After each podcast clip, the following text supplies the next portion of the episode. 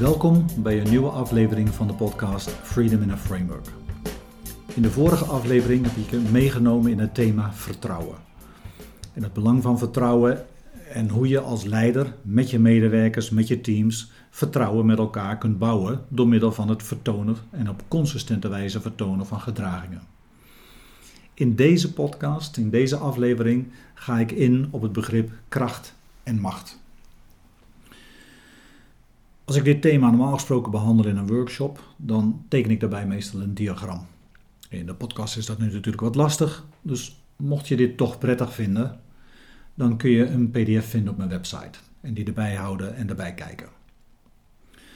Dus het thema van deze aflevering is kracht en macht.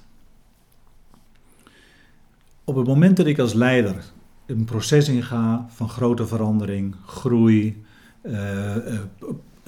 bedrijfsprocesveranderingen, organisatieveranderingen of wat dan ook, betekent in wezen dat ik kracht wil mobiliseren om dat tot stand te brengen.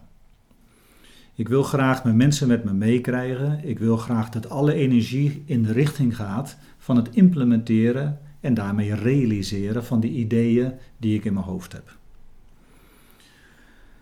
Dat betekent dat ik een krachtenveld op wil roepen. Ik wil kracht gaan creëren om dat te doen. We weten tegelijkertijd dat als dat lastig wordt, dat kracht zo vaak uh, verzandt in of zich ontwikkelt tot macht.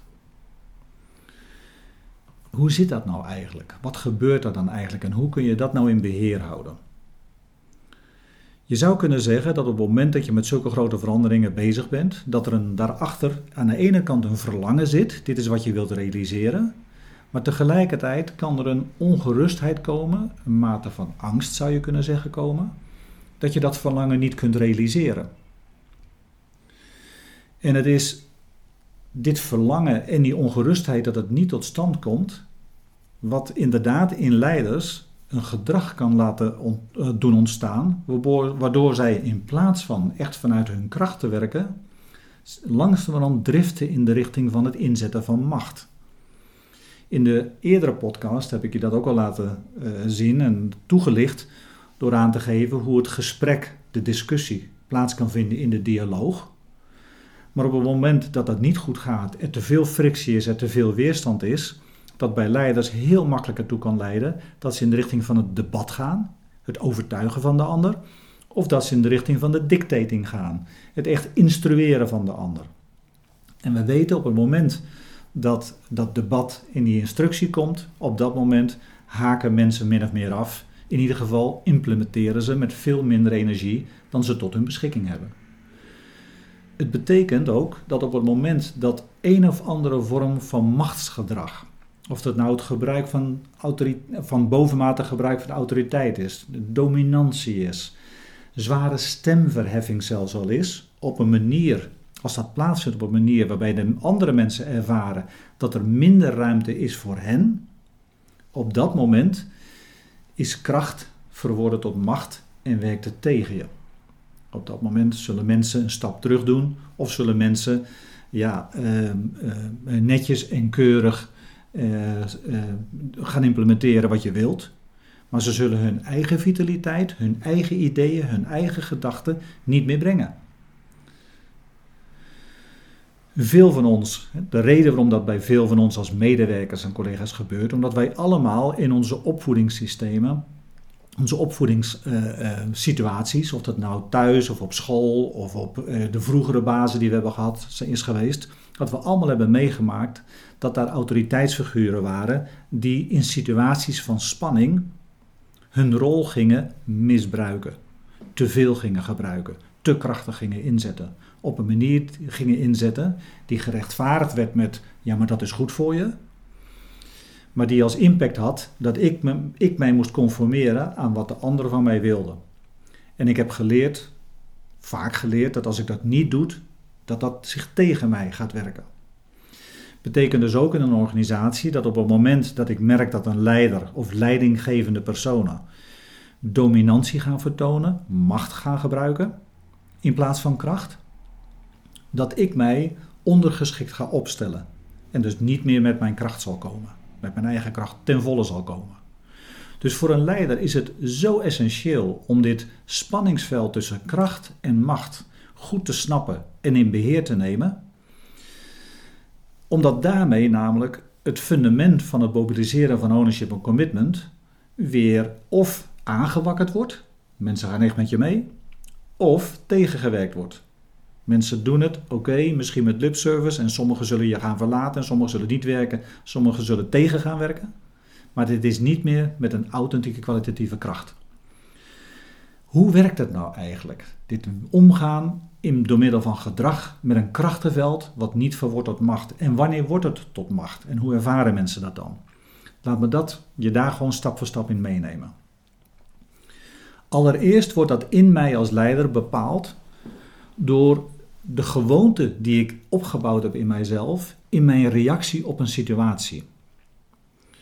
Als het goed is, mensen zullen ervaren dat ik gebalanceerd omga met kracht, en dus niet naar de macht ga, maar gebalanceerd ermee omga, als ze ervaren dat ik zowel kan deelnemen in onderwerpen, in gesprekken, in situaties, in overleg of wat dan ook, maar me daar ook uit kan terughouden. Dus ik kan deelnemen en ik kan terughouden. Op het moment dat het deelnemen van mij, gewoon het open deelnemen, open deelnemer zijn, zich verhardt en extreem gaat worden, dan ga ik in de richting van vechten. Ik ga in de richting van het vechten voor mijn gelijk. Het deelnemen van mij wordt uh, domineren, wordt overtuigen, wordt uh, de eerste viool willen spelen, wordt altijd op de voorgrond willen staan. Vormen van vechten. Het andere extreem, dus ik moet me ook terug kunnen houden. Maar niet te veel. Want het is belangrijk in het gebruik van mijn kracht dat, uh, dat ik wel degelijk aanwezig blijf. Als ik me te veel terughoud, terughaal, dat betekent dat ik me eigenlijk aan het terugtrekken ben. En dat betekent dat mensen ervaren dat op situaties waarin mijn kracht nodig is, dat ik er niet ben. Dat ik mij teruggetrokken heb. Tegelijkertijd is het belangrijk dat ik zelf een beeld heb op welke manier, uh, welke positie ik kies in situaties. Als het goed is, en het werkt dat ik op een evenwichtige manier met kracht omga, betekent dat ik afwisselend me sterk en stevig kan opstellen, dat ik daartoe in staat ben, maar tegelijkertijd dat ik ook in andere situaties in staat ben om open te zijn, om me anders op te stellen dan ik tot nu toe gedaan heb.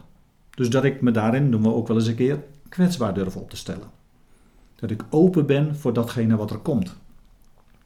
Als ik afwisselend stevig ben en kwetsbaar ben, betekent dat mensen kunnen ervaren dat ik op een dynamische manier met mijn kracht omga.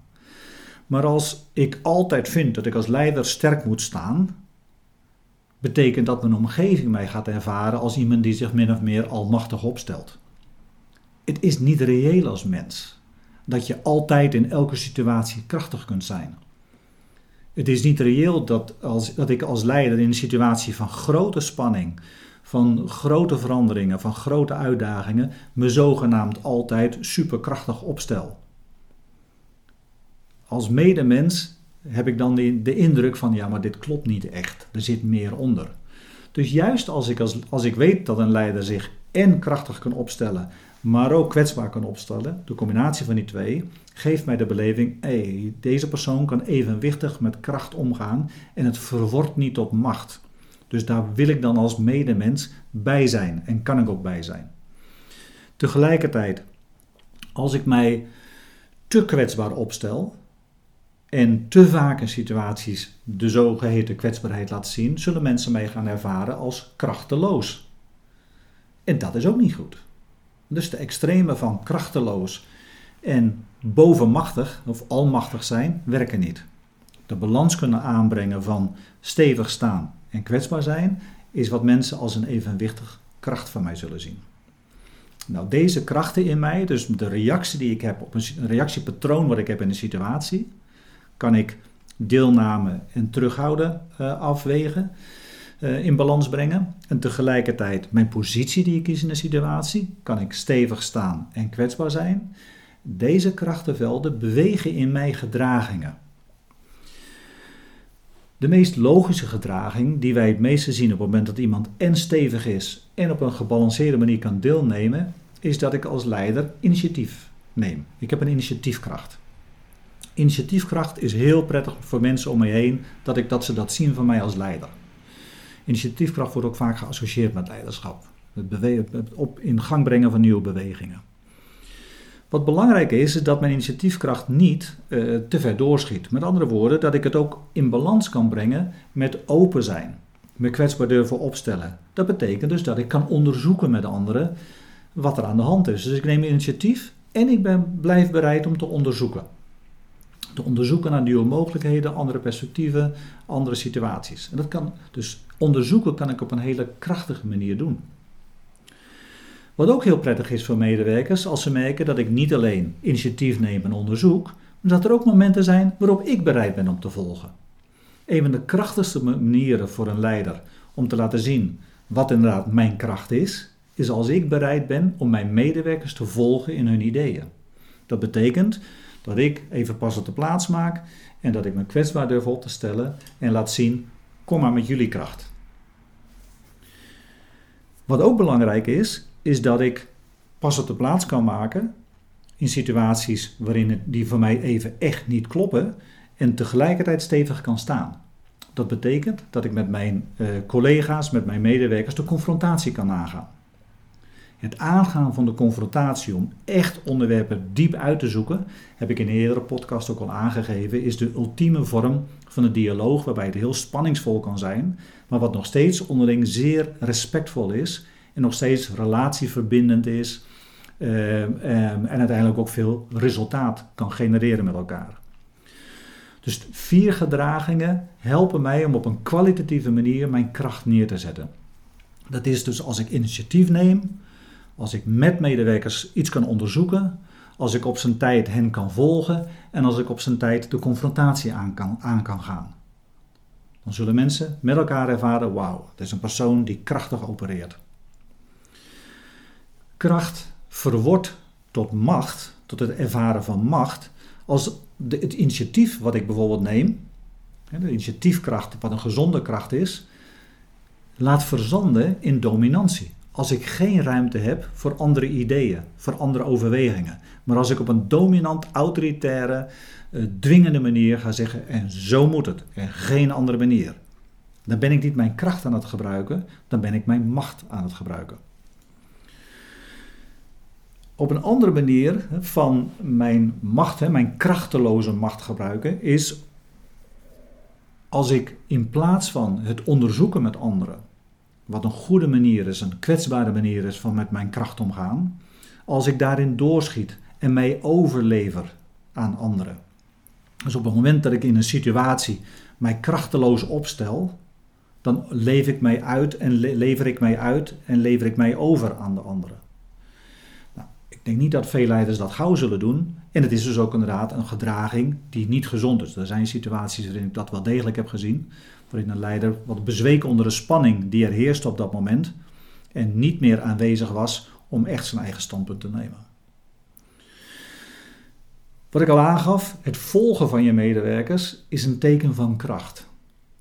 Als je dat tenminste op tijd doet. Als ik te vaak te veel volg, ervaren mensen dat ik mij heb teruggetrokken uit de rol die ik heb. En mezelf terugtrekken vanuit de verantwoordelijkheid en de rol. En heb ik dat ik mijn kracht heb teruggetrokken. Ja, dat werkt ook niet. Dus als ik me te veel ga terugtrekken in plaats van volgen, dat werkt opnieuw weer tegen. En dan hebben mensen een krachteloos gevoel. Dus de keerzijde van de macht. En een krachteloze gevoel. Wat ook niet werkt, is als ik de confrontatie laat doorschieten. Confrontatie als zodanig, heb het al vele keren eerder aangegeven, is een heel gezonde manier van met elkaar de relatie bestendigen en tot resultaat komen. Maar confrontatie zodanig neerzetten dat ik de ander wegdruk en de ander uit de ruimte druk en geen ruimte heb voor die ander in wat er gebeurt, zodat het zeg maar, in de explosie, het conflict vanuit mijn macht, ik de ander zeg van en mijn manier gebeurt het, my way or the highway, is geen andere manier ja, dat werkt tegen mij. En dat werkt ook uiteindelijk tegen onze relatie. Dus op deze manier kun je bij elkaar samenvattend zien dat er vier gedragingen zijn die het gezond neerzetten van de kracht heel erg bevorderen. Dat is als ik initiatief neem, als ik onderzoek, als ik jou als medewerker, jou als collega regelmatig volg en als ik als het nodig is ook de confrontatie aanga. Dan wordt kracht als zuiver ervaren en ontaart het niet in macht. In een volgende aflevering wil ik graag met je verder ingaan op het thema van problemen oplossen en besluitvorming. En in wezen het hele keuzeproces wat erachter zit, het continu maken van keuzes. Dankjewel voor nu.